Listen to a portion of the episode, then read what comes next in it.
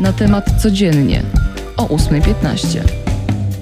Cześć, tu Magdalena Stokłosa. Słuchacie na temat codziennie. Mamy czwartek, 11 listopada i dokładnie 103 lata temu Polska odzyskała niepodległość. Dziś w całym kraju zaplanowano obchody święta, ale wszędzie będą odbywały się trochę inaczej. W Warszawie, jak już wiecie, przejdzie Marsz Niepodległości organizowany przez narodowców.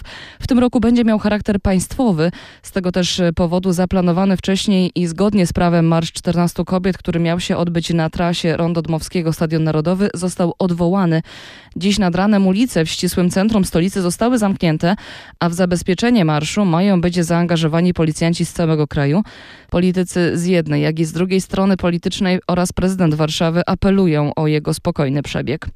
Za to w Krakowie na przykład nie będzie marszu, a specjalna akcja Zaszczep się dla niepodległej. Lekarze zapraszają na szczepienia i przeciwko koronawirusowi, i przeciwko grypie. Z kolei we Wrocławiu koncerty, spacery i pokazy filmów. W mieście odbędzie się też Wrocław Marathon. To takie podchody trochę, bo na starcie dostaje się mapkę i będzie trzeba odwiedzić konkretne miejsca. Poznań z kolei świętuje niepodległość, ale też imieniny ulicy Święty Marcin. Nie będzie tradycyjnego barwnego korowodu, jak to było co roku, za to rogali świętomarcińskich na pewno nie zabraknie. Na fragmencie odnowionej ulicy będzie muzyka na żywo, pokazy sportowe i cyrkowe, a przed zamkiem czterodniowy kiermasz. Zmieniamy temat. Poszerzymy sankcje wobec Białorusi. Tak po spotkaniu z prezydentem Stanów Zjednoczonych Joe Bidenem mówiła przewodnicząca Komisji Europejskiej Ursula von der Leyen. Zwróciła uwagę, że sytuacja na granicy nie jest kryzysem migracyjnym, ale próbą destabilizacji sąsiadów Białorusi i że to już otwarta wojna hybrydowa.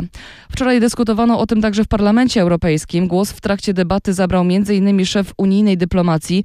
Joseph Borrell mówił o tym, że niewykluczone, że mamy do czynienia ze szlakiem migracyjnym i że ta sytuacja może się jeszcze zaostrzyć.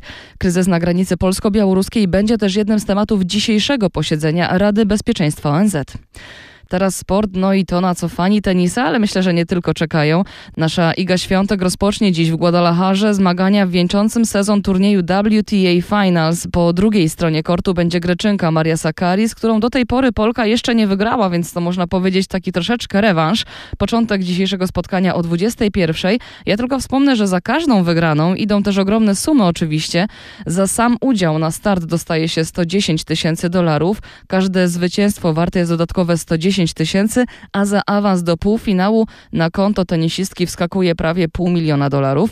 Dla zwyciężczyni turnieju przewidziano premię wysokości, uwaga, uwaga, miliona 600 tysięcy dolarów, no czyli grubo ponad 6,5 miliona złotych. Wszystkie wydarzenia sportowe, jak i relacja oczywiście dzisiejszego meczu będzie na natemat.pl.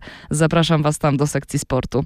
Ok, to jak już przy zawrotnych sumach jesteśmy, para diamentowych bransolet należących do ostatniej żony króla Francji, Ludwika XVI, Marii Antoniny, została sprzedana w Genewie za kwotę niespełna 7,5 miliona franków, czyli ponad 7 milionów euro. Ozdobą biżuterii wykonanej ze złota i srebra jest 112 diamentów. Bransolety przez 200 lat były w posiadaniu potomków rodziny monarchy.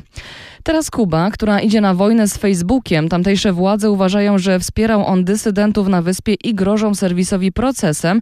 Rzekoma ingerencja miała mieć miejsce w związku z planowanym na najbliższy poniedziałek przez przeciwników obecnej władzy obywatelskim marszem na rzecz zmian. Komunistyczne władze odrzuciły wniosek, twierdząc, że celem jest po prostu brutalne obalenie rządu, ale dysydenci oświadczyli, że do przemarszu i tak dojdzie. Z jednej aplikacji przeskakujemy na drugą. Instagram wprowadza system subskrypcji. Za opłatą twórcy będą mogli kryć wiele ekskluzywnych treści dla swoich fanów. Subskrypcje mają być no, nowym narzędziem monetyzacji dostępnym dla twórców, tak jak to już działa na przykład na YouTubie. Cennik jest już w serwisie App Store w Stanach Zjednoczonych. Ceny wynoszą dolara lub 5 dolarów. Na razie nie wiadomo, kiedy to rozwiązanie miałoby się pojawić w Europie. Za to wiemy, kiedy pojawi się następny odcinek na temat codziennie, bo już jutro. Za dziś dziękuję, Magdalena Stokłosa. Cześć.